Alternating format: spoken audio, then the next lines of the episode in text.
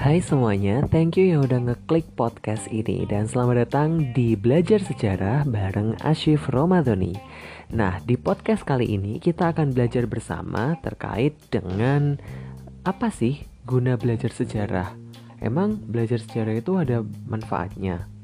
Nah, buat teman-teman yang nggak tahu, kita di sini akan diskus bareng terkait dengan apa manfaat belajar sejarah. Nah, teman-teman semuanya pasti sudah mendengarkan podcast kemarin yaitu ciri-ciri sejarah. Nah, kali ini kita akan mempelajari tentang apa sih manfaat dari belajar sejarah.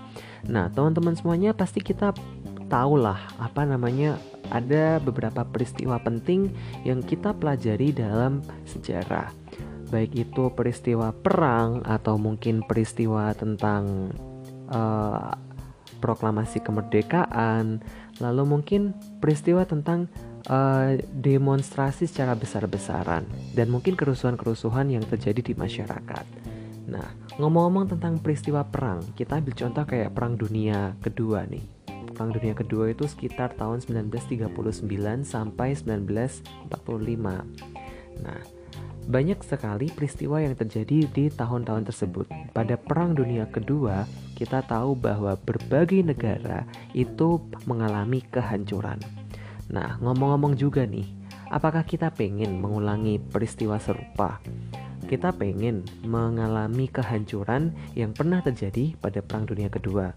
Tentu saja enggak kan teman-teman.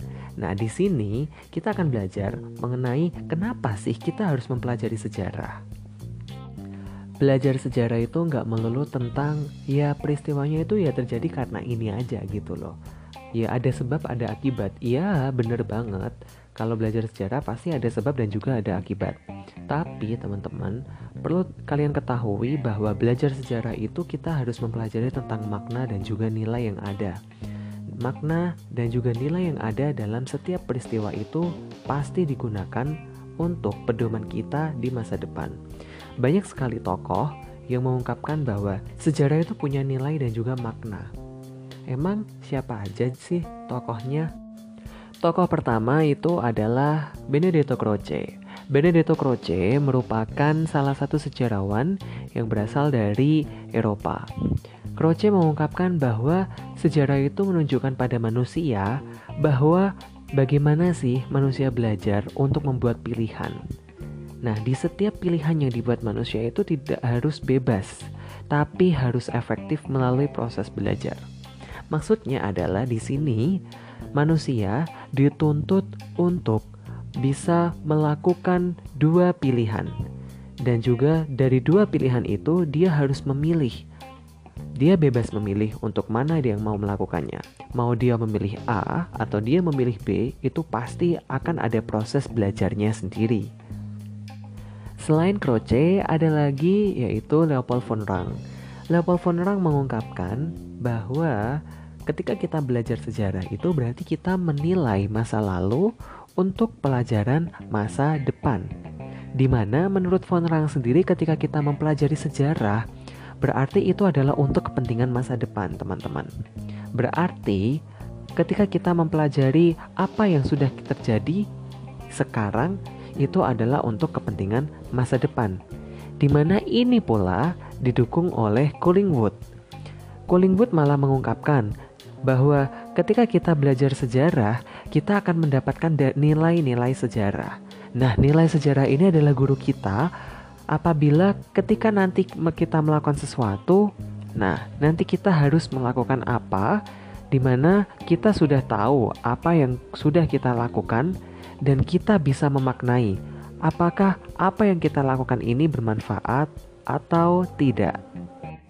Sam Winenberg pun juga menambahkan kalau ketika kita belajar sejarah itu secara tidak langsung kita teaching the past and starting the future. Maksudnya apa sih? Kok tidak pakai bahasa Inggris segala? nah, maksudnya ketika kita belajar sejarah itu kita belajar mengenai masa lalu, tetapi dari masa lalu itu kita bisa berupaya untuk memulai dan juga memetakan di masa depan. Nah, dari itu semua, teman-teman, ketika kita belajar sejarah, Berarti secara tidak langsung kita bisa memaknai bahwa belajar sejarah itu berarti kita belajar proses dan juga kita belajar tentang kejujuran. Kejujuran akan proses kita dan kejujuran akan segala yang kita alami.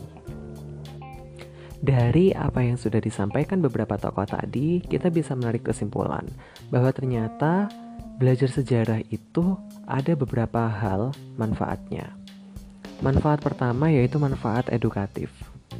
Manfaat edukatif belajar sejarah itu menjadikan kita bisa belajar dari masa lalu. Karena apa? Masa lalu merupakan guru terbaik. Bapak sejarah kita, yaitu Herodotus mengungkapkan bahwa Historia Vitae Magistra. Belajar sejarah mengajarkan kebijakan. Artinya apa? Apa yang sudah terjadi di masa lalu, tujuannya adalah untuk pembelajaran di masa depan. Selanjutnya adalah interaktif.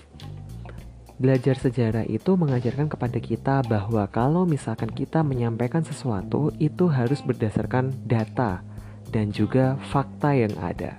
Jadi, ketika kita menyampaikan informasi kepada orang lain, kita nggak boleh menyampaikan informasi yang salah atau informasi yang bohong. Karena ketika pada saat merekonstruksi sejarah, para sejarawan itu berdasarkan sumber-sumber yang ada. Artinya, para sejarawan ketika merekonstruksi peristiwa masa lampau itu mereka menyampaikan berdasarkan data yang mereka temukan.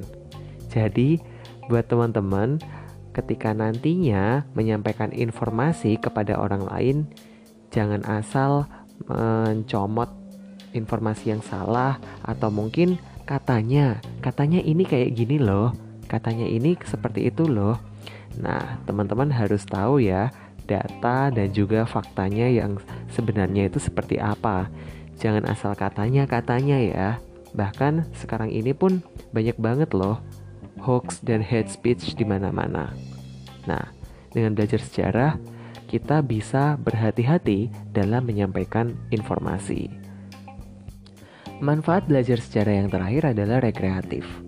Belajar sejarah itu menyenangkan loh teman-teman. Kita jadi tahu beberapa informasi di berbagai tempat. Meskipun kita belum pernah jalan-jalan ke sana, tapi secara tidak langsung kita jadi tahu, oh ternyata di daerah ini sejarahnya seperti ini.